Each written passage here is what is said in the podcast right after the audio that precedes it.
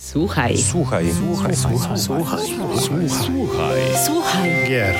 Podcast sławiący kulturę muzyki do gier wideo. Dzień dobry, dobry wieczór. Z wirtualnego studia kłania się w pas Marysz Borkowski oraz Paweł Dębowski. witamy drogich słuchaczy oraz drogie słuchaczki już w dziewiątym odcinku podcastu Słuchaj Gier, który sławi i przybliża kulturę muzyki oraz sound designu w grach wideo. W poprzednim odcinku podcastu Słuchaj Gier razem z Pawłem i naszymi gośćmi poruszyliśmy temat o wpływie muzyki filmowej na muzykę do gier wideo, do którego przesłuchania serdecznie Was zachęcamy na Spotify, Apple Podcast, a także na YouTubie. W naszym wirtualnym studiu są razem z nami nasz kolega redakcyjny Konrad Belina-Brzozowski. Cześć Konrad. Cześć, cześć, siemanko. Oraz, oraz, uwaga, oraz Artur Filipowicz, znany szerszej publiczności jako prezenter topowej dychy oraz także propagator naszego Game Music Festival. Cześć Artur, witaj serdecznie. Cześć. Cześć, cześć. Słuchajcie, mm, zanim tak naprawdę przejdziemy do głównego menu, do tego tematu głównego naszego dzisiejszego spotkania, chciałbym, żebyśmy sobie wspólnie tutaj poruszyli kwestię związaną tego, co ostatnio słuchaliśmy i tutaj zacznę może od Konrada, bo Konrad to jest pierwszy raz e, podczas naszego podcastu, więc tym bardziej bardzo Ci serdecznie dziękujemy i powiedz mi, co tam ostatnio słuchałeś? Mm, muzycznie? Tak, tak, muzycznie może być to muzyka z gier, e, może być to jakikolwiek album, nie ma znaczenia. Co ostatnio tak wpadło ci w ucho? Mm, Wiesz co, 31 marca wyszedł na UKF e, Drum and Bass e, utwór Ben Slaya That Feeling, który wyjątkowo mi się wiercił w czaszkę. Całkiem, całkiem fajny kawałek, mocno, mocno wiosenny bym powiedział, drum and basic i mm, bardzo, bardzo rozbudzający tęsknotę do imprez klubowych. Oj, tak, chyba każdemu z nas te, e, tego brakuje. I rozumiem, że to naj, chyba na, najszczególnie ci tak utkwiło w, pa, e, w, w pamięci. Oprócz tego nie miałeś za bardzo czasu, bo wiem, że, e, wiemy wszyscy, że jesteś też mocno za, zaprawiony w boju, bo uczelnia i jeszcze inne swoje projekty, tak sądzę, że miałeś mało czasu, żeby co, cokolwiek jeszcze innego posłuchać. No, te, teraz, teraz pracuję głównie nad e, czterema różnymi grami e, wideo, nad udźwiękowieniem i muzyką. Znaczy, do każdego projektu co innego robię. E, na szczęście, bo jakbym miał robić e, cztery, cztery sound designy i cztery soundtracki, to bym chyba e, nie wyrobił. Ale powiem ci, niedawno, bo chyba wczoraj, Albo parę dni temu wyszedł nowy Oddworld, Soulstorm, nowe przygody Abe'a i, i muszę sprawdzić jak tam soundtrack będzie się zachowywać, bo Oddworld zawsze miał bardzo dziwne nomen omen yy, soundtracki i, i jeszcze dziwniejszy gameplay i pomysł na siebie jako, jako na, na world building, także yy, na pewno sprawdzę sam gameplay, nie wiem czy zagram, czy będę miał czas, ale, ale na pewno soundtrack muszę przesłuchać, zobaczyć co tam ciekawego wymyślono.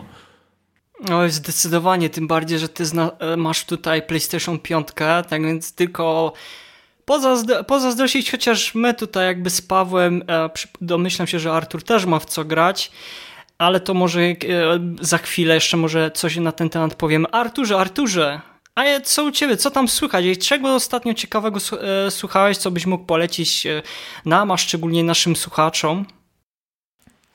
Ja miałem dwie filmowe przygody i spotkania z Junkiem XL, bo w końcu wyszedł wyczekiwany Snyder Cut.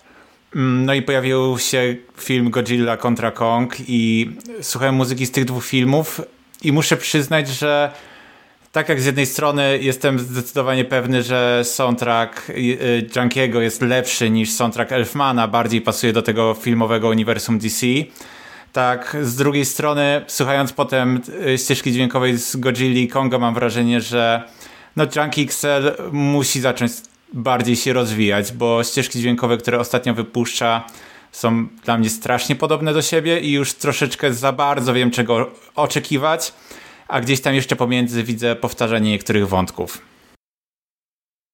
Mm. No jeszcze nie miałem okazji samego filmu obejrzeć, chociaż e, DC Comics jest bliższy memu sercu, ale to może kiedyś, kiedyś e, o tym jeszcze porozmawiamy. Pawle, Pawle, a co tam? Słychać u ciebie? Czego ode mnie oczekujesz? Wiesz, ja nie będę tutaj, e, tak jak nie jestem... Nie będziesz oceniał? Mhm, nie, nie, tak. nie, ja nie, ja nie będę tutaj na głos, e, tak wiesz, film Beetlejuice, Beetlejuice to nie będę mówił Yakuza, Yakuza, tylko co tam, co tam słuchałeś ostatnio? Coś nowego, tak? A tak. wiesz co, tak adwocem naszej dyskusji o nagrodach BAFTA i nie tylko, wróciłem do przesłuchania ponownie soundtracku ze Spider-Man Miles Morales, żeby, nie wiem, może ja nie znam się, może, może rzeczywiście nie znam się na muzyce, trudno mi powiedzieć, ale próbowałem wychwycić chociażby te, ten moment, który powiedział e, jury Bafcie, Bafty, że okej, okay, ten soundtrack zasługuje na nagrodę. Nie ma takiej opcji, nie było takiej opcji. Próbowałem się przekonać, próbowałem, nie wiem, znaleźć jakieś argumenty za, przeciw, ale no nadal nie mogłem się jakoś przekonać. Mówię, to jest świetny soundtrack, fajny, naprawdę świetnie, się, świetnie mi się go słucha i myślę, że wpadły, wpadły mi w ucho również podczas gry, ale no nie, jednak się nie udało. Druga rzecz, w końcu na spokojnie przesłuchałem muzykę z Bravey Default. E, rzeczywiście słychać taki Final Fantasy IX e, vibe przy jednym utworze, to jest akurat fakt. E, ale więcej o tej muzyce może, może kiedyś powiem więcej, jeśli będę miał chwilkę czasu, żeby rzeczywiście posłuchać, porelaksować się przy niej. Mm, a tak, jak dobrze wiesz, Mariusz przygotowuje ten duży tekst o Bandcampie, czyli o chyba mojej ulubionej platformie z muzyką niezależną jako taką.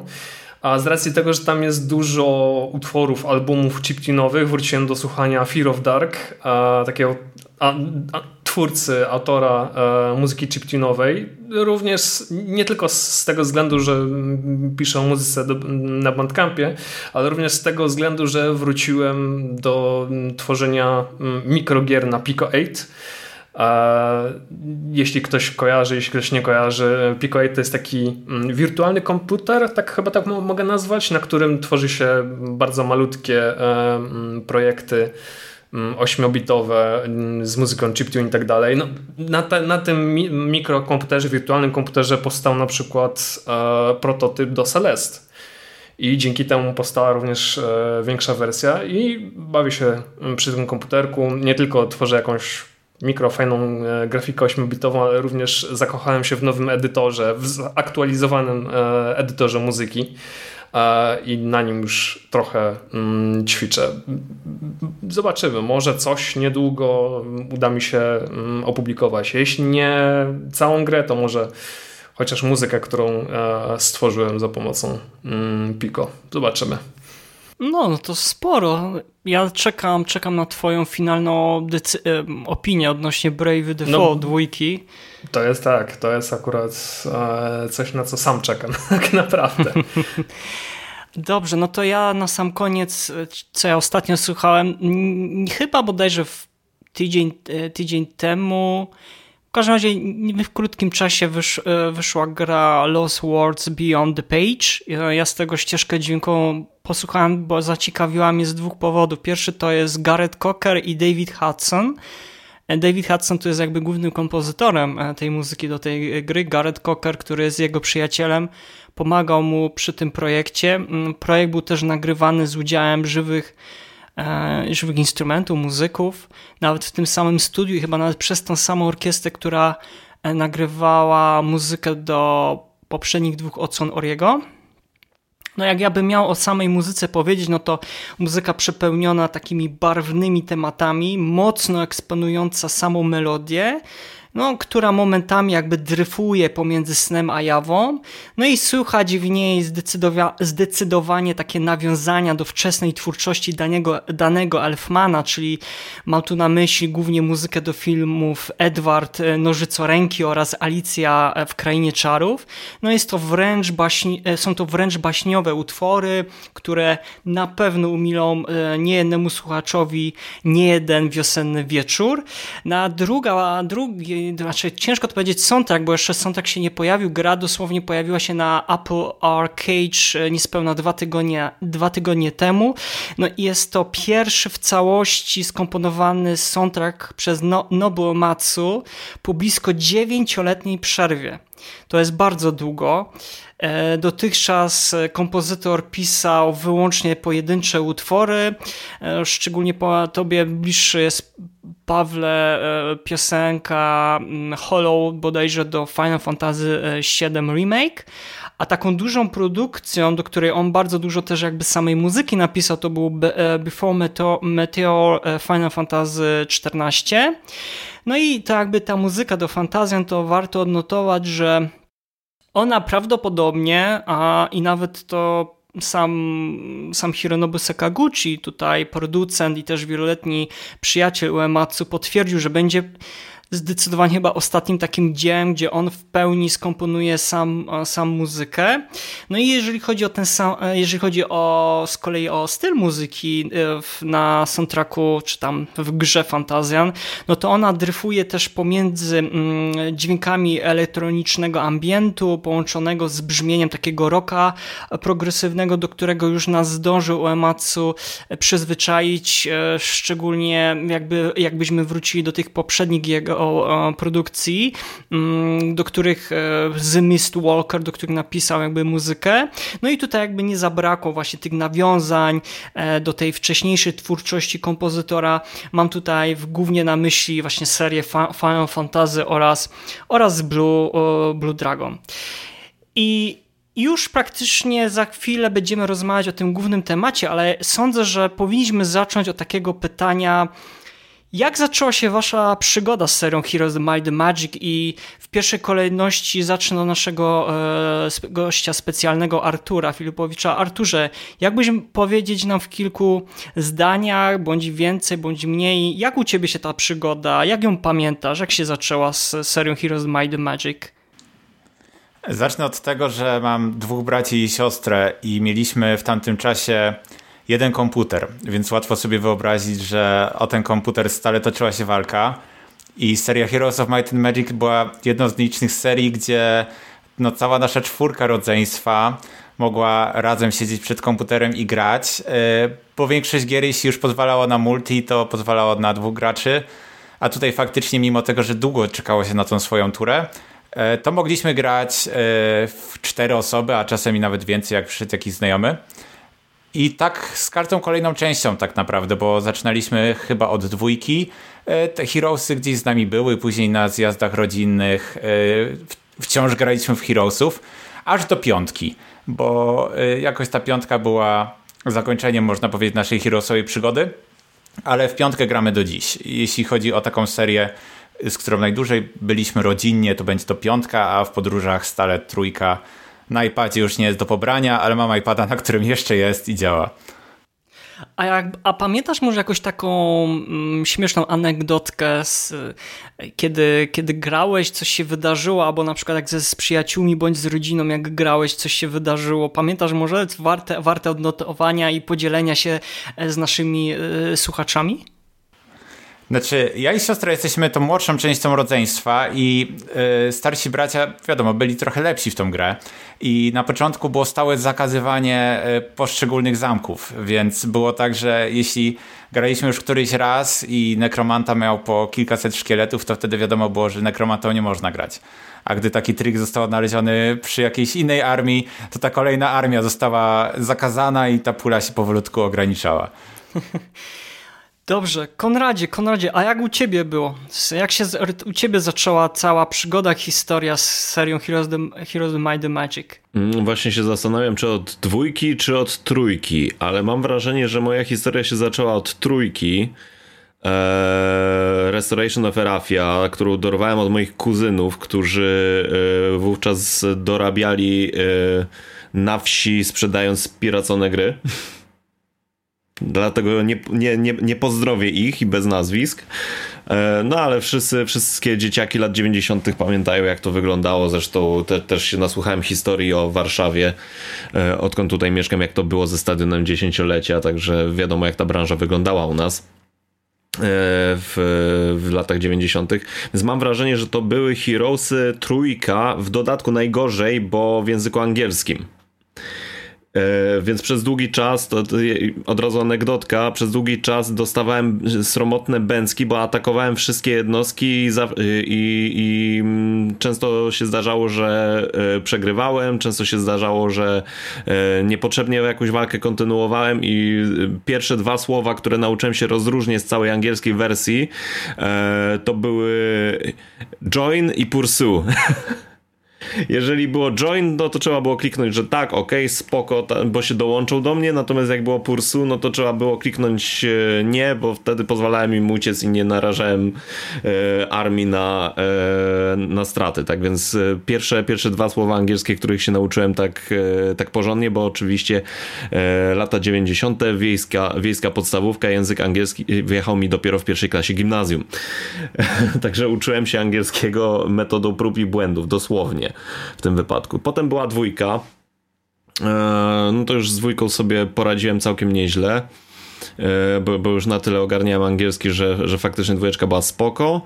I później głównie trójka, trójka, trójka, trójka, później wyszła czwórka, od czwórki się wszyscy odbiliśmy. E, mam paru znajomych, którzy twierdzą, że czwórka jest lepsza od trójki, ale nie utrzymujemy już kontaktu. Te, nie, nie, może nie z tego powodu, e, ale, ale zdecydowanie przeszkadzało mi i większości moich, moich współgraczy to ta, te, te nowe rzeczy, które wprowadzono, bo jednak próbowano zrobić sporą e, może nawet nie ewolucję, tylko rewolucję w gameplayu, zwłaszcza wprowadzając możliwość e, tworzenia armii samych herosów albo tworzenia armii bez, bez herosa. I to dla, dla mnie było troszeczkę pogwałceniem te, te, te, tej podstawowej zasady w Heroes of Might and Magic. E, później, więc, więc wróciło się do trójki, później dodatki do trójki, później co? Później jakimś sposobem na Abandonware'ach dorwałem się do pierwszych Heroesów i do King's Bounty, ale tego oryginalnego, oryginalnego King's Bounty, nie tego, które później zrobiło Nival Interactive, e, by dowieść, że mogą zrobić Herosy piątkę. I, I King's Bounty było bardzo specyficzne, trzeba było się prze przeturlać przez e, DOSBoxa, który wtedy jeszcze nie był e, dodawany do każdej, e, do każdej gry z GOGA, tylko jak się jakieś abandonware dorwało, to trzeba było samemu konfigurować. No i później yy, Herosy Piątka były dla mnie bardzo fajnym powrotem tak osobiście e, uważam, e, fajnym powrotem do, do, do czasów trójki, że zrobiono Herosy 3 w 3D i to się według mnie całkiem nieźle udało. Dużo godzin straciłem przy piątce. E, no później niestety, niestety szóstka i później jeszcze bardziej niestety siódemka, gdzie Ubisoft pokazał jak bardzo lachę na to wyłożył. A tak całkiem ostatnio, no to albo się gra w Herosy trójkę z HD modem i z hotą, bo to jest w tej chwili chyba jedyna słuszna e, opcja na granie w trójkę, bo jest naprawdę świetnie. Jeżeli chodzi o gameplay, zresztą mamy Mistrzostwa Polski, e, które się bardzo, bardzo regularnie odbywają. No i też e, Heroes Hour, czyli e, gierka, która jest dostępna na itch.io, ja może wam linka rzucę, jeżeli jesteście zainteresowani. Tworzona przez e, z tego co wiem pojedynczego programistę, młodego Duńczyka, z którym zresztą złapałem kontakt i zacząłem pracować nad sound designem do tej gierki. Zobaczymy, zobaczymy jak się ta współpraca rozwinie, ale, ale póki co robię to yy, pro bono, bo zawsze chciałem zrobić soundy do, do, do Heroesowej gierki. O, no to ja się już nie mogę doczekać tych e, dźwięków hyd hydry, szczególnie, albo Minotaura, jak to będzie brzmiało. Pewnie hydrę będzie robić moja żona.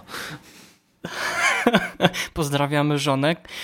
Pawle, Pawle, jak to się u ciebie zaczęło z Heroesami w takim razie? Wiesz co, ja próbuję właśnie sobie sięgnąć pamięcią i próbuję sobie przypomnieć, czy to było tak, że brat jakoś kupił swoją wersję, mm, czy to było tak, że pierwszy raz zagrałem wersję, która była dołączona bodajże do CD Action, tak mi się wydaje, mm, ale jakkolwiek by się to nie, zac nie zaczęło, pamiętam, że moja pierwsza styczność z Heroesami to była właśnie trójka. I pamiętam, że e, wiem, Prawdopodobnie e, fani wszelacy w Polsce obrzucą mnie kamieniami, ale powiem to. E, moja pierwsza styczność z Heroesami trójką była taka, że mi się ta gra średnio spodobała. Może nawet w ogóle. Ja już mu powiem dlaczego. Ja się wychowałem na takich strategiach ekonomicznych, strategiach e, czasu rzeczywistego, czyli Anno 1602, 602, Settlersi dwójka, później trójka i tak dalej, i tak dalej.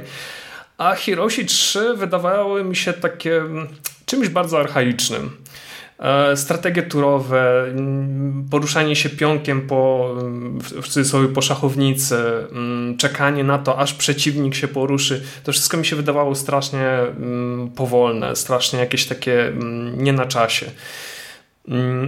Troszkę, troszkę się od tej trójki odbiłem, ale pamiętam, że powróciłem do tej trójki po iluś latach, po kilku, może po kilku latach, kiedy e, zacząłem doceniać to, że dzięki tej grze mogę po prostu usiąść przed komputerem, zagrać w coś, co mm, nie wymaga 200% mm, e, mojej uwagi, tak jak na przykład współczesne FPS-y, tylko mogę usiąść rozegrać kilka tur, e, wziąć udział w fajnej jakiejś przygodzie, wyprawie i nie specjalnie się przy tym stresować.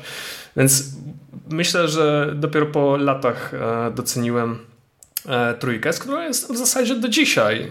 Teraz, tak jak Konrad powiedział, mam u siebie mm, wszystkie te wydania HD e, trójeczki. Niedawno chciałem, niedawno, z rok temu próbowałem namówić kolegę, który w ogóle nie grał w gry, żeby zagrał ze mną jeszcze z koleżanką, która również uwielbia Heroesy, żeby z nami razem zagrał, ale chyba mu nie przypasowała ta gra.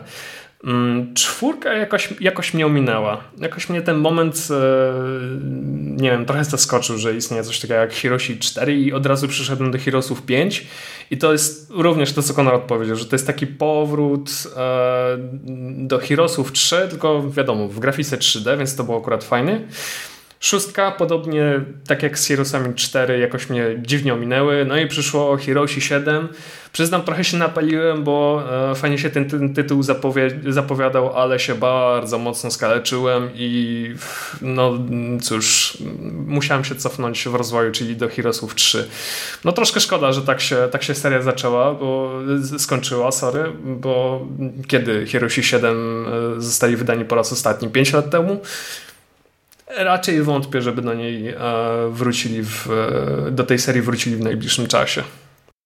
No, dlatego mamy jakby tutaj prężne e, takie powiedzmy społeczeństwo fanów, którzy na własną rękę robią, ale to zazwyczaj to są takie rozszerzenia, poszerzenia, do, dodatki. Teraz tak nowa frakcja przecież powstaje do Hero, Hero, Hero, Heroes do Mody do dzisiaj powstają. Tak, tak. Dobrze, no to mm, a jakąś anegdotkę masz może, z którą chciałbyś się na przykład tutaj podzielić z nami? Właśnie nie mam specjalnie żadnej takiej, tyle tylko, że mówię, jak się zaczęła ta pandemia, e, to próbowaliśmy wielokrotnie z moimi bliskimi znajomymi umówić się na jakieś spotkanie, nawet na głupim Skype'ie, ale to zawsze, e, zawsze coś nie pasowało, a to termin nie pasował, a to komuś coś wypadło i tak dalej, i tak dalej. W końcu się umówiliśmy na takie wspólne granie i szukaliśmy takiego tytułu, który e, ogarnęlibyśmy wszyscy, bo z, z całej tej czwórki gracze byłem w zasadzie chyba tylko ja. E, koleżanka mm, kojarzy parę mm, tytułów, gra w nich również e, na ostro, tak jak Skyrim właśnie, czy Hiroshi, a, pozostała dwójka, no nie, nie.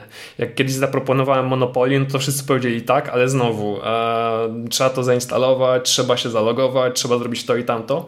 Więc w którymś momencie namówiliśmy kolegę naszego właśnie na wspólne granie w Heroesów 3 i pamiętam, że godzinę poświęciliśmy na e, łączenie e, online, bo to nie było coś e, intuicyjnego. Dla mnie to było coś intuicyjnego, ale powiedzieć im, słuchajcie, musicie zrobić to, to i tamto. I jeszcze komunikacja na odległość przez Discorda, no to był dramat. I, i dosłownie godzinę poświęciliśmy na e, łączenie się ze sobą i jakieś pół godziny, może trochę więcej na samogranie. Także no, bardzo polecam to doświadczenie. Jeśli chcecie zagrać sobie z kimś online Heroesów 3, no to lepiej wy, wybrać kogoś, kto e, ogarnia jak się samą grę włącza, a co dopiero z e, połączeniem online. Okej, okay, okej. Okay. No dobrze, no to ja to ze swojej takiej, nie wiem, w, w, w, wsiadam do maszyny i wracam w przeszłość i tak sobie zastanawiam się, bo ja zawsze byłem konsolowcem i tego się nie było jakby przyznawać i komputer miałem dosyć e, bardzo, e, miałem dosyć późno. Nawet tutaj chyba jest tak, że ja rocznikowo chyba jestem z was najstarszy i teoretycznie powinienem znać e, o wiele, wiele wcześniej tą grę. Może ją znałem, ale bardzo późno zacząłem w nią grać i pamiętam taki moment, kiedy mój, mój znajomy, który miał komputer, pokazał mi drugą część Heroesu, to mnie to zainteresowało. I kiedy już miałem komputer, to zacząłem grać w trójkę no i no były, były niejedne z takie jakby spotkania, domówki nawet, tak, bo miałem znajomego, za chwilę o tą taką anegdotkę opowiem, miałem znajomego, który miał dwa komputery i tak się zdarzało, że spotykaliśmy się, nie wiem, tam w weekend i graliśmy dosłownie przez całą noc, różnego rodzaju sesje, albo na przykład tworzyliśmy, nie wiem, ja podziemia, on robił e, górę i tam na, na odwrót i bardzo to wciągało, no bo wiemy wszyscy, że on ma jakby, mm, Hiroshi mają ten taki element szachów, tak, I, i to też za chwilę będzie, przypuszczam, że każdy z nas jakby będzie też porównywał do tej popularności też a, w Polsce i też tutaj w środkowej Europie, czy nawet na wschodzie w Rosji, no i no wciągnęło mnie to, nie, uk nie, ukry nie ukrywam. Pamiętam też e, bardzo dobrze muzy e, muzykę.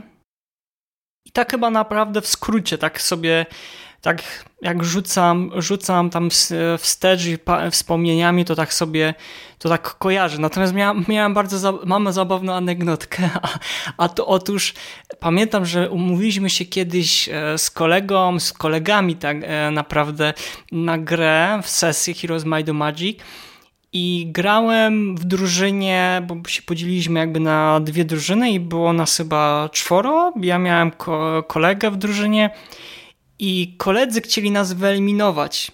To znaczy, jak chcieli nas wyeliminować, bo nam za dobrze szło. chcieli nas wyeliminować, bo spytałem się, słuchajcie, bo chcielibyśmy się herbaty napić. Gdzie, gdzie macie herbatę? No i tam powiedzieli, a tam gdzieś tam wysoko na, w szafce. No to wzięliśmy, y, kolega zaczął pić her, herbatę, e, ja miałem zacząć, a się okazało, że to była herbata na przeczyszczenie. Tak więc, tak więc było, było zabawnie. Ja się uratowałem.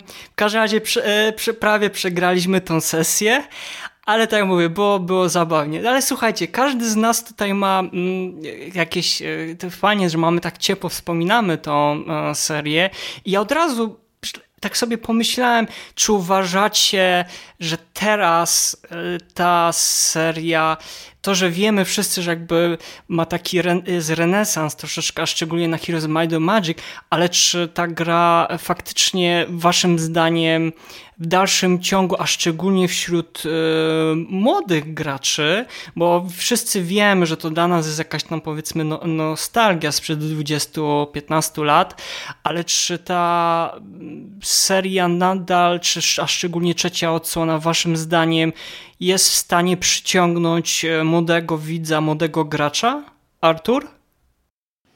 Ja myślę, że chyba potrzebne byłoby większe odświeżenie niż samo HD, dlatego, bo myślę, że większość naszych wspomnień, jeśli chodzi o multi, na przykład w Heroesach, y, trójce, czy innych częściach, jednak wiąże się z tym y, coach co-opem, czyli y, jednak z tym, że wszyscy razem siedzimy przy komputerze, właśnie spotykamy się na takich dłuższych sesjach ze znajomymi, nie wiem, rodzice zostawiają nas u kumpla, albo jak już jesteśmy starsi sami jedziemy, a właśnie czy ta gra aż tak dobrze przyjęłaby się w samym modelu grania online, i czy osiągnęłaby taki sukces, gdyby było to możliwe w tamtych czasach? Wydaje mi się, że tutaj trudno powiedzieć, bo dochodzą też te elementy, że jednak inaczej czeka się na swoją turę, e, gdy ta osoba siedzi obok, inaczej, gdy ta osoba jest gdzieś po drugiej stronie. No, ja powiem szczerze, doświadczeń z grą w Heroesy online e, za bardzo nie mam, ale żeby trafiła do nowych graczy, myślę, że tutaj potrzebne byłoby większe odświeżenie, może bazując na trójce. Właśnie to, czego ja żałuję, to muzycznie na przykład brak trochę odświeżania motywów muzycznych, że jednak wie, wszystkie motywy muzyczne zdaje mi się są zawsze na nowo y, napisane. Nie ma czegoś, co, co powraca w kolejnej części i może takie odświeżenie, taki sequel czy jakiś remake to mogłoby dać nowe życie, ale w tej formie, w której jest No ja szczerze mówiąc troszeczkę wątpię. Myślę, że to jest jednak dla tego starszego pokolenia, które ma już swoje żarty, swoje memy i swoje wspomnienia i tutaj trzeba by otworzyć tą furtkę jednak trochę szerzej na nowe osoby. Tak, tak, szczególnie, że jest bardzo duży nadal potencjał w tej grze. Konrad? Mm, zgadzam się z Arturem, że, że jest to. Jed, jed, to, jest, to jest tak jak wiesz z oryginalnym Porsche 911.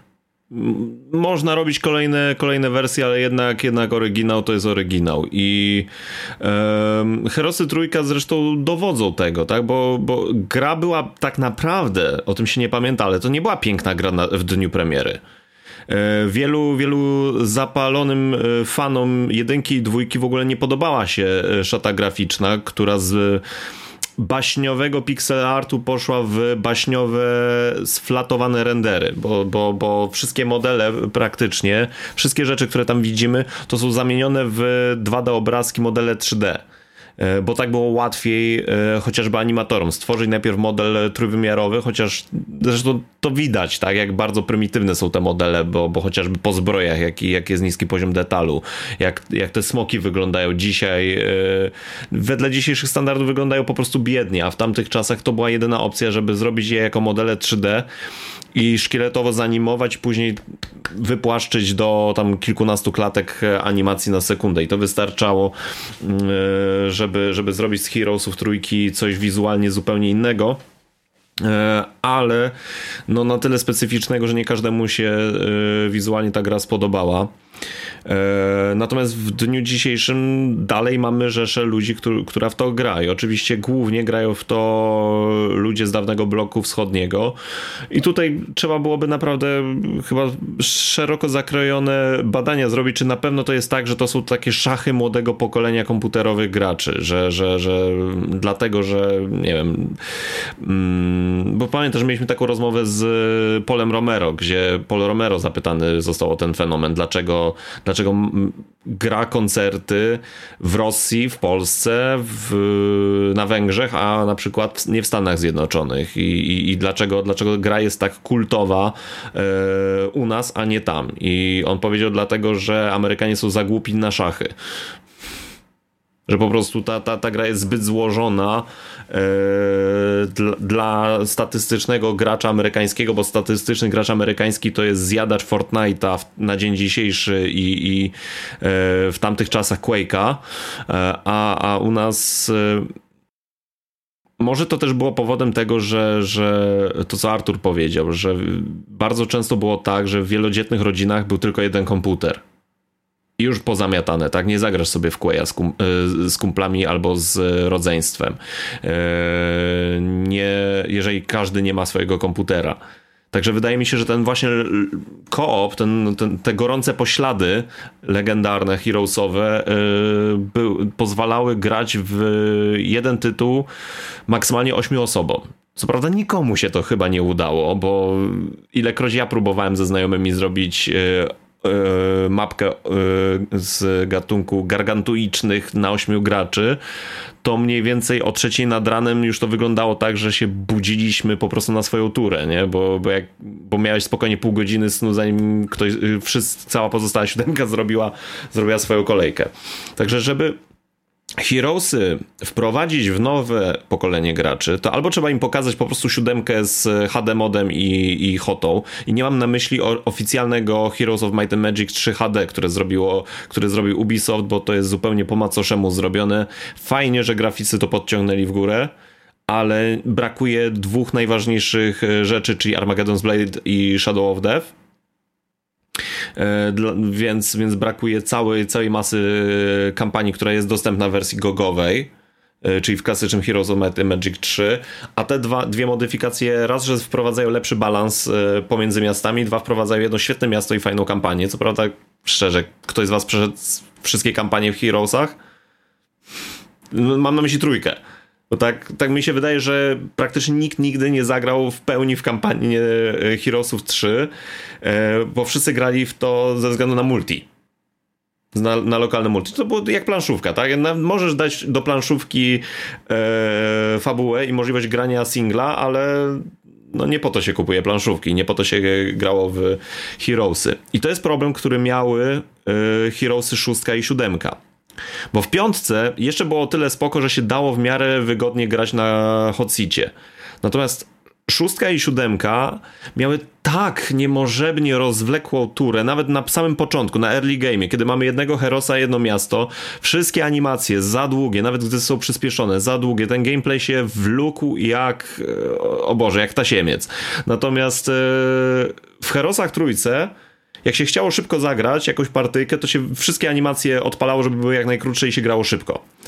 Więc moim zdaniem, żeby mm, wciągnąć nowe pokolenie graczy w Heroesy, trzeba zrobić Heroesy 8, ale wedle standardów Heroesów trójki. Czyli to musiałaby być gra 2D, ale zręcznie robiono powiedzmy animację poklatką, niech tych klatek animacji będzie 60, żeby było turbopłynne, niech to wszystko będzie narysowane w 4K, spoko, ale przede wszystkim ten core, czyli, czyli yy, szybki, przyjemny gameplay, gdzie tak naprawdę jedyna rzecz, która wydłuża czas gry to jest proces myślowy gracza, czyli rozkminianie taktyczne, w co iść, jak się rozwijać, a nie przeczekiwanie ty, turlania się konika po, po, po mapie e, świata, to, to, to, to te, tak mi się wydaje, że to jest ten starting point, który powinien łyknąć Ubisoft, czy dowolny inny um, deweloper, któremu powierzą e, tę robotę, bo zauważcie, Nival Interactive zmartwychwstał Heroesy, tak, Heroesy 5 to jest ruskie studio oni zrobili najpierw King's Bounty dla Ubisoftu i potem Ubisoft stwierdził, dobra, róbcie Heroesy 5. Oni zrobili do tego parę fajnych dodatków, parę fajnych nowych rzeczy wprowadzili, ale w głębi, w głębi duszy Heroesy 5 to były Heroesy 3 z trójwymiarową grafiką. Szóstkę i siódemkę już zrobił Ubisoft. I no to był moim zdaniem skok na hajs i, i żeby nowe pokolenie wprowadzić, trzeba byłoby znowu wziąć ludzi, którzy stracili dzieciństwo grając w poprzedników i byli w stanie wykorzystać przez swoją wrażliwość, swoje nabyte umiejętności, byliby w stanie zrobić nowe Heroesy, wyglądające jak stare, ale znaczy grające jak stare, wyglądające współcześniej. Może niekoniecznie w 3D. Okej, okay, okej, okay. dzięki Konrad. A Paweł, ty byś chciał tu jakieś swoje trzy grosze dorzucić? Ja mogę powiedzieć, że te wszystkie pomysły są fajnie, są ok, jasna sprawa. Tu z jednej strony mówimy o odświeżeniu, tu z drugiej strony mówimy o jakimś reboocie, jeśli tak mogę nazwać. Tylko moje pytanie brzmi, czy jest rzeczywiście sens, żeby przekonywać nowe pokolenie do takiej e, gry, jaką są Heroesi? Czy rzeczywiście jest sens tworzyć nową grę e, strategiczno-turową, gdzie trzeba czekać na to, aż przeciwnik wykona e, jakiś kolejny ruch i tak dalej? Moim zdaniem raczej to się mija z celem. Tu Konrad wspomniał, e, zresztą słusznie, że mm, na, na zachodzie, głównie w Stanach Zjednoczonych, ten tytuł się w ogóle nie, w ogóle się nie sprzedał tak naprawdę. Ta sprzedaż była mega niska w porównaniu z tym, co się działo u nas w Europie i na, na wschodzie. I tu też zwrócono dobrze uwagę, że no, to jest tytuł dla nich zdecydowanie za wolny, za powolny. Tak? To już było zdecydowanie inne pokolenie. To, jest to, to było już wtedy to pokolenie mm, znajdujące się między Doomem a jeszcze innymi FPS-ami, bardziej, bardziej dynamicznymi grami. Jeśli chodzi o to współczesne pokolenie, ja myślę, że to pokolenie jest e, niecierpliwe. I to jest chyba najważniejszy, najpoważniejszy mm, argument, żeby mm, takich gier jak właśnie Heroes raczej nie wskrzeszać.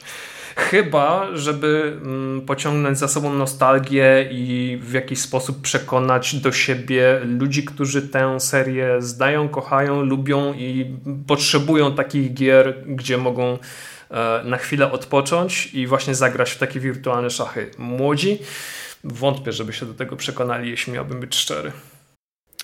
E, słuchajcie, ja starałem się też e, już tutaj jakby swoje też trzy grosze dorzucać. Starałem się dokopać do statystyk, jak to wygląda sprzedażowo w Europie, jeżeli chodzi no teraz e, Ubisoft i GOG, tak, bo to są chyba takie dwa duże serwisy umożliwiające kupno tego. No niestety nie dokopałem się, ale z tego co chyba wszyscy wiemy, jednak GOG robi mnóstwo dużych jakby i tutaj promocji, można naprawdę za śmieszne pieniądze e, kupić e, tych, tych Heroesów, ale ja tylko dodam, że ja bym sobie, ja bym to widział tak, żeby to dać jakiemuś zewnętrznemu studiu, oczywiście musieliby najpierw sprawdzić, jakie to są statystyki sprzedażowe, czy to się w ogóle opłaca finansowo coś takiego zrobić, ale ja bym na przykład dał dał tą grę E, słuchajcie, dałbym tą grę do stworzenia, do jakby zremasterowania.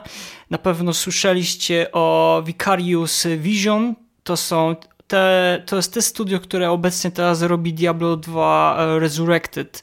Tak więc widziałbym ich na przykład w ich roli, żeby oni e, przygotowali taką zremasterowaną chociażby mm, tr, trójkę. I to, co wszyscy już tutaj powiedzieliście, to ja się pod to podpisuję, nie będę się jakby za bardzo rozgadywać. Dobrze. Ja dodałbym może jeszcze jedną tak, rzecz. Tak, jasne, Artur, śmiało. E, dodałbym to, że e, wychodzą nowe odsłony e, Heroes of Might and Magic, a może bardziej Might and Magic Heroes, jako gry mobilne. I to są w teorii tytuły, które powinny trafiać do nowych graczy, tylko myślę, że każda osoba, która grała w starsze tytuły, gdy widzi to, jak wygląda to obecnie, to woli raczej nie wiedzieć, że one w ogóle wychodzą, bo nie dość, że są kreskówkowe w formie tak, dokładnie. Myślę, że to jest Dungeon Keeper, e, jakby ponowna, ponowna sytuacja tego typu. E, kreskówkowa grafika. W najnowszej wiem, grze są pewne odwołania do trójki, ale bardzo, bardzo drobne i myślę, że nie tędy droga na pewno. Okej, okay, okej. Okay. E, dobrze, to Dlaczego muzyka do Heroes Mario Magic jest tak popularna w Polsce? I pozwólcie, że ja sobie zacytuję Paula Antonego Romero, no, który jest jakby głównym kompozytorem muzyki do serii. Jeszcze nie zapominajmy o Robie Kingu. Rob King jest um, także za kilka utworów um, odpowiedzialny, ale on się głównie zajmował um, mixem i masteringiem tych, e, zajmuje się mixem i masteringiem tych, tych utworów. I też jakby Rob wprowadził go w świat troszeczkę Heroes the Might of Magic po, po, po Antonego Romero. No i ja mu zadałem te pytanie, no bo prywatnie się przyjaźnimy, e, kto nas śledzi, śledzi e, działalność Game Music i Fundacji Game, e, Fundacji Game Music, no to wszyscy wiedzą, że w 2000 2007 roku zorganizowaliśmy pierwszy koncert taki w pełni symfoniczny Symphony of the Heroes e, z udziałem samego kompozytora, czyli Paula Antonego Romero. I spytałem się go, jakie, jakie, on, jaką, jakie on ma odczucia właśnie z tym związane, że dlaczego ta seria jest tak bardzo popularna, ale a, a szczególnie w Polsce, jak jest popularna, wiemy w Europie Środkowej i też e, na wschodzie, to dlaczego szczególnie w Polsce jest tak popularna, o czym za chwilę też będziemy tutaj z naszymi gośćmi rozmawiać. No i on odpowiedział mi tak. E, pierwszą moją miłością do dźwięków muzycznych, czyli od trzeciego roku życia, były właśnie dźwięki polski poprzez muzykę Chopina. E, kiedy po raz pierwszy usłyszałem magiczne dźwięki e, Noctura Chopina w radiu, moje młode serce, uszy i dusza otworzyły się, no i po prostu od razu zakochałem się w Chopinie. Myślę, że cała moja muzyka w jakiś sposób wywodzi się e, z mojej dziecięcej miłości do tego kompozytora. Zacząłem naśladować jego twórczość i właśnie kiedy miałem 3 lata i i nie sądzę, żeby kiedykolwiek e, przestał uh, uwielbiać uh, polskiego kompozytora. Nawet jakiś czas temu zaczął się uczyć niektórych nokturów Esdura, na przykład opus 55 numer 2. Więc sądzę, że moja odpowiedź na nasze pytanie jest taka, że muzyka Chopina wniknęła w moją duszę E, kiedy byłem małym chłopcem i być może teraz gracze Heroes Might Magic rozpoznają niektóre dźwięki swojego rodaka poprzez partytury gier komputerowych kal kalifornijskiego Meksykanina. E, inną odpowiedzią jest to, że Heroes Might Magic jest tak naprawdę zabawną serią gier, nawet jeśli muzyka zostałaby skomponowana przez Kim Kardashian. E, tak więc na sam koniec sobie tutaj zażartował. I słuchajcie, zadaję do Was pytanie, dlaczego muzyka do Heroes of Might Magic jest szczególnie w Polsce mm, popularna? No i tutaj pozwolę sobie e, może zacząć tym razem od Konrada. No, zastanawiam się nad tym, bo faktycznie, jeżeli by wziąć nasze pokolenie, to śmiem twierdzić, że, że przynajmniej 90sowe dzieciaki, które grały w gry wideo, znają muzykę Paula Romero lepiej niż znają muzykę Chopina. I to tak diametralnie e, lepiej. I zresztą Paul też e, w tym, w tym akurat cytacie o tym nie wspomniał, ale e, bardzo jawne nawiązania do rosyjskich kompozytorów, do, do sowieckich kompozytorów Strawińskiego, Rachmaninowa są obecne w muzyce niektórych miast. Bodajże Tower ma bardzo oczywiste nawiązania do, do, do, do radzieckich kompozytorów, ale, ale mogę się mylić. E, wiesz co, musiałbyś chyba z... inaczej ująć to pytanie, że, żebym mógł jakkolwiek na nie odpowiedzieć, bo dlaczego trzeba byłoby zapytać wszystkich graczy, bo powiedzieć, że to jest dobra muzyka, to jest bardzo mgliste, tak? Bo, bo to, to chyba nie jest kwestia tego. Sądzę, że mm, kwestia Raz, że wszechstronności, bo właściwie każdy utwór, w, będę mówić tutaj tylko o Herosach Trójce, bo one są najbardziej kultowe. E, właściwie każdy utwór miejski jest inspirowany e, innym kompozytorem. Przynajmniej ta, ta, takie wrażenie buduje, e, buduje sama muzyka. I dzięki, dzięki tym inspiracjom i, i, i prze, przepuszczeniu tych inspiracji przez filtr e, artystyczny Paula Romero e, udało się stworzyć e, soundtrack, który był skazany na kult niejako. Bo, bo y, każdy utwór jest totalnie inny, jest totalnie unikatowy, ale, ale siedzą w jednej estetyce i y, wraz z charakterystyczną szatą graficzną, wraz z tym bardzo przaśnym scenariuszem, który jest, jest, y, jest standardową, wypadkową fantastyki lat 90., czyli, czyli tr troszeczkę tego tej, tej, tej słabizny, tej kampowości fantastyki lat 80., i nadchodzącej powagi lat 2000 i nadchodzących Marveli i tak dalej, i tak dalej. I to wszystko stala się w, w baśni, ale właśnie taką 90 która, która próbuje siebie traktować poważnie, jednocześnie będąc totalnym zaprzeczeniem e, tej powagi. To jest mm, bardzo, bardzo specyficzny e, twór w ogóle artystycznie. Do tego wszystkiego wchodzi, wchodzi muzyka e, Paula Romero, która która po prostu pasuje idealnie i wiesz, też inna sprawa, tam nie było żadnych wodotrysków technologicznych. Bo dzisiaj to może. Dzisiaj zaczynamy rozgraniczeń, bo zaczynamy gadać o tym, czy muzyka jest dobrze zaimplementowana, czy ona się broni e, poza gameplayem. Jest masa soundtracków, świetnych soundtracków e, z różnych gier wideo, które się w ogóle nie bronią e, poza gameplayem że nie jesteśmy w stanie ani zanucić, ani przytoczyć, ani nawet posłuchać tej muzyki poza gameplayem. W gameplayu super, siedzą idealnie. Poza gameplayem nie chce się tego słuchać. Herosy Trójka to jest soundtrack, który nawet się od czasu do czasu puszcza w tle gdzieś tam, nie wiem, przy sprzątaniu, przy odkurzaniu, gotowaniu, bo, bo te kawałki budzą od razu wspomnienia. Może dlatego. Okej, okay, okej, okay, okej. Okay. To myślę, że tutaj jeszcze w trakcie naszej rozmowy jeszcze może coś będziesz chciał dopowiedzieć. Arturze, Słuchamy ciebie, zamieniamy się w słuch. Ja myślę, że Heroesy trójka trafiły na taki bardzo specyficzny okres, y, bo sprawdziłem i było to przed premierą jeszcze pierwszego Władcy Pierścieni w kinach, więc jeśli chodzi o fantastykę, to raczej w filmie było to coś niszowego. Były to czasy, kiedy w Polsce, no pewnie trochę wcześniej, ale stale się rozwijały papierowe gry RPG, Dungeons and Dragons, Warhammer. E, Warhammer figurkowy też coraz szerzej zaczynał być dostępny, gdzieś upchnięty w różnych empikach czy innych sklepach. I pojawiały się komiksy typu Torgal, który gdzieś stale wychodził. E, zaczęło być coraz więcej książek fantazy i myślę, że te osoby, które inspirowały się fantastyką, miały coraz więcej nowych rzeczy, którymi mogły się interesować, nowych rzeczy, po które mogły sięgać i pojawiły się Heroesy Trójka, które miały muzykę, która już brzmiała instrumentalnie trochę bardziej jak muzyka filmowa. Nie była to taka muzyka znana ze SNESa czy NESa, tylko już jednak bardziej brzmiąca filmowo. Była ta oprawa graficzna, która była właśnie ze względu na te rendery trochę bardziej realistyczna.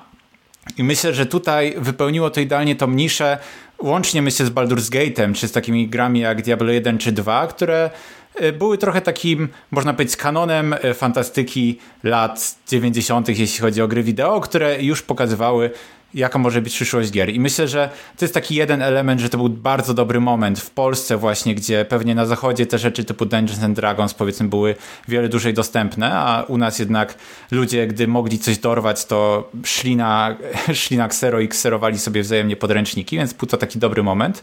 Poza tym jest to trochę, myślę, efekt Sugarmana, e, czyli to, że y, dawniej jednak przez to, że te gry też nie były tak szeroko dostępne w Polsce, pewnie można powiedzieć tym rzutem kością trafiło akurat na Heroesy, które miał prawie każdy znajomy, bo ciężko było do kogoś pójść, żeby ktoś tych Heroesów akurat nie miał. I taki ostatni element to myślę sama też struktura gry, czyli to, że te y, motywy muzyczne są często powtarzane, że jednak zawsze, gdy wchodzimy do ekranu y, naszego miasta, zawsze słyszymy tą samą muzykę, a kolejna rzecz to pewna umowność, czyli jednak jak to jest w strategiach, yy, jeśli widzimy tą liczbę powiedzmy szkieletów 300, to jest to ten sam szkielet, tylko z trochę inną, z innym numerkiem, ale jednak my też przez te motywy muzyczne trochę bardziej czujemy się jak prawdziwy nekromanta, gdy wchodzimy na ekran miasta i widzimy, że już jest całe pobudowane, czy jak dowodzimy naszymi armiami. I myślę, że jednak tutaj ta umowność szczególnie też wpłynęła na to, jak my to odczuwamy, bo wiemy, że jak mamy wielką armię i podbijamy zamek, to jednak ta muzyka lepiej pozwala nam tą umowność przełamać i poczuć się jak faktycznie dowódca jakiejś armii, a nie tylko osoba, która ma jednostki z większymi cyferkami myślę, że tutaj te składowe między innymi miały na to wpływ. Tutaj jeszcze chciałbym wejść w słowo i uzupełnić, e, bo, bo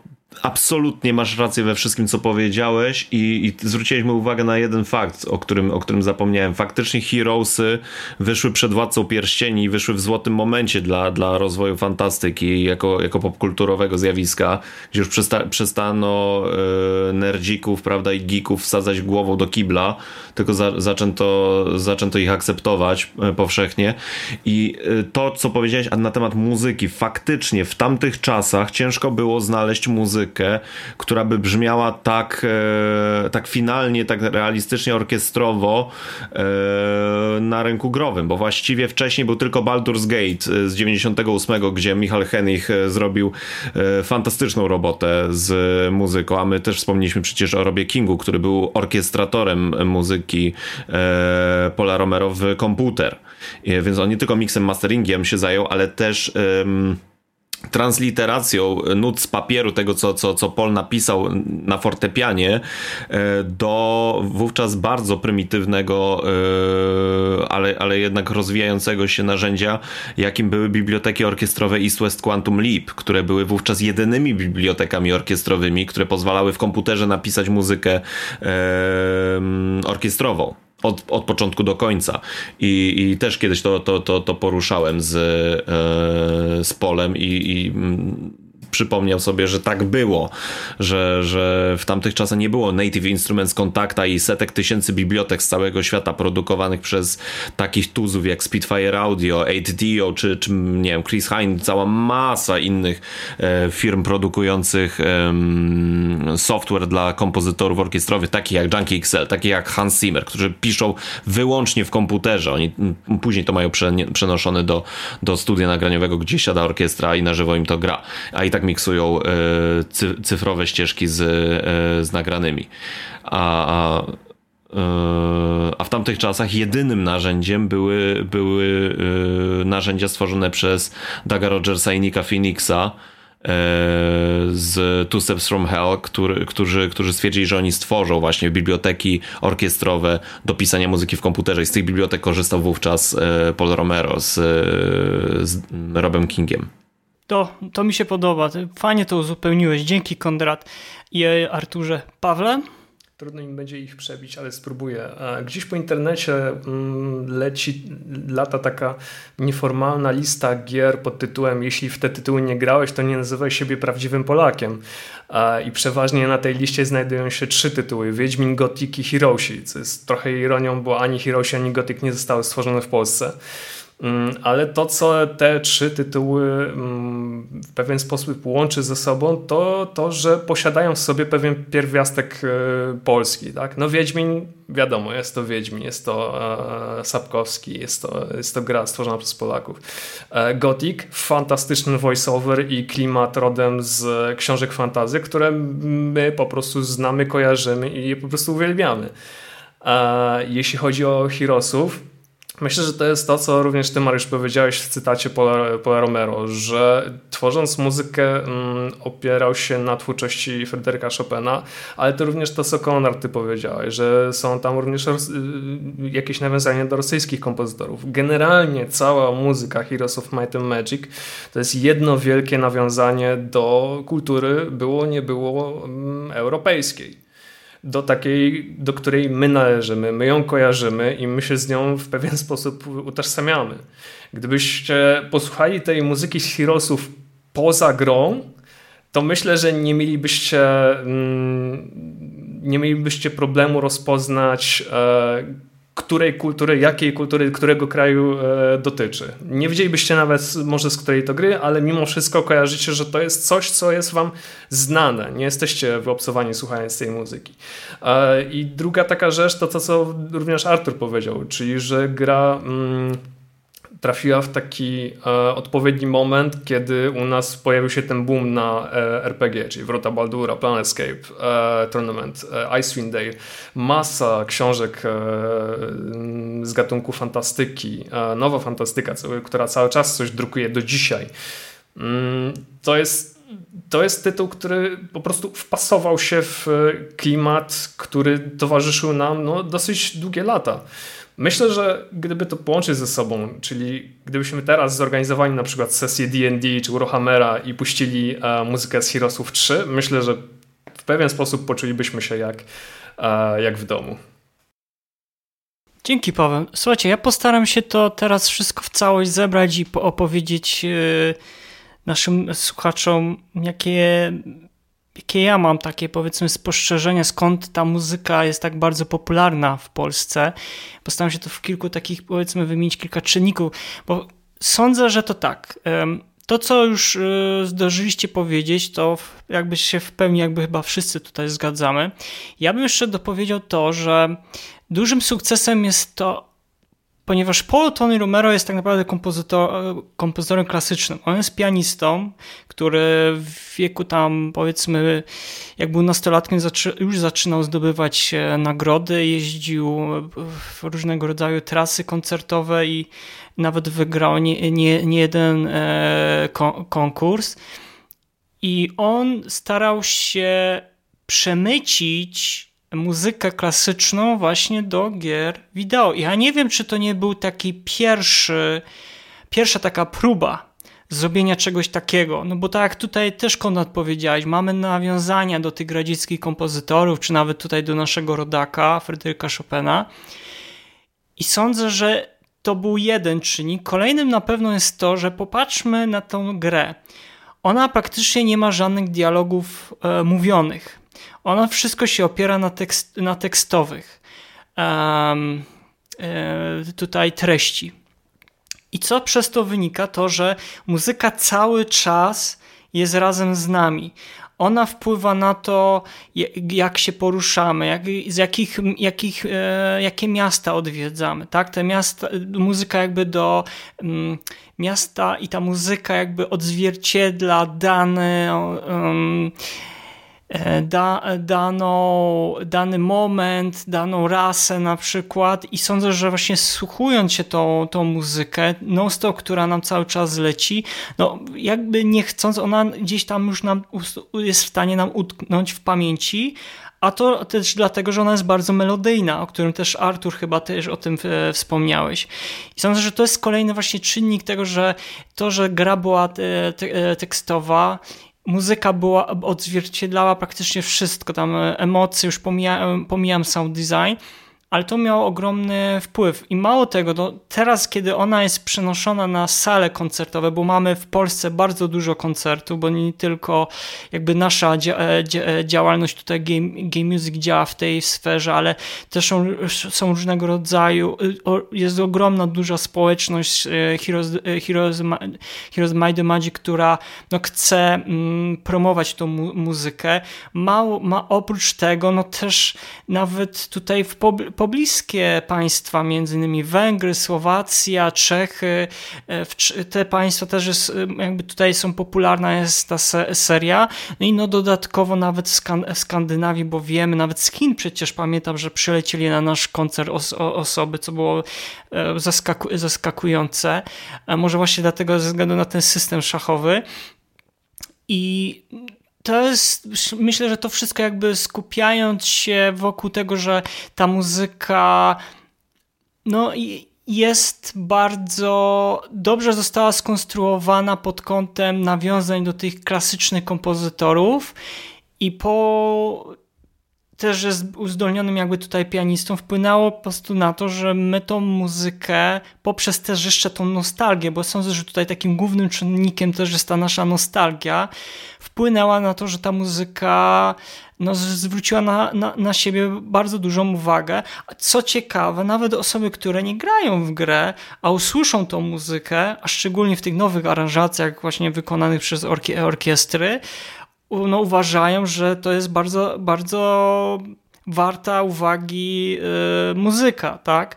No więc sądzę, że jest bardzo dużo jakby czyn, czynników, czy ten, ten patriotyzm, o którym też Paweł po, y, powiedział y, i to, że tak Artur wspomniał, że to w dobrym momencie y, pojawiła się też ta, ta, ta gra i tutaj też jak Konrad mówi mm, o tej, o tej takich właśnie nawiązaniach też do tych kompozytorów radzieckich, to wszystko wspólnie e, dając jakby do, do kosza pozwala nam jakby lepiej zrozumieć, dlaczego ta muzyka jest tak bardzo popularna i dlaczego bardzo na, na niej tak jakby zależy, dlaczego my sądzimy, że to ona jest też nasza.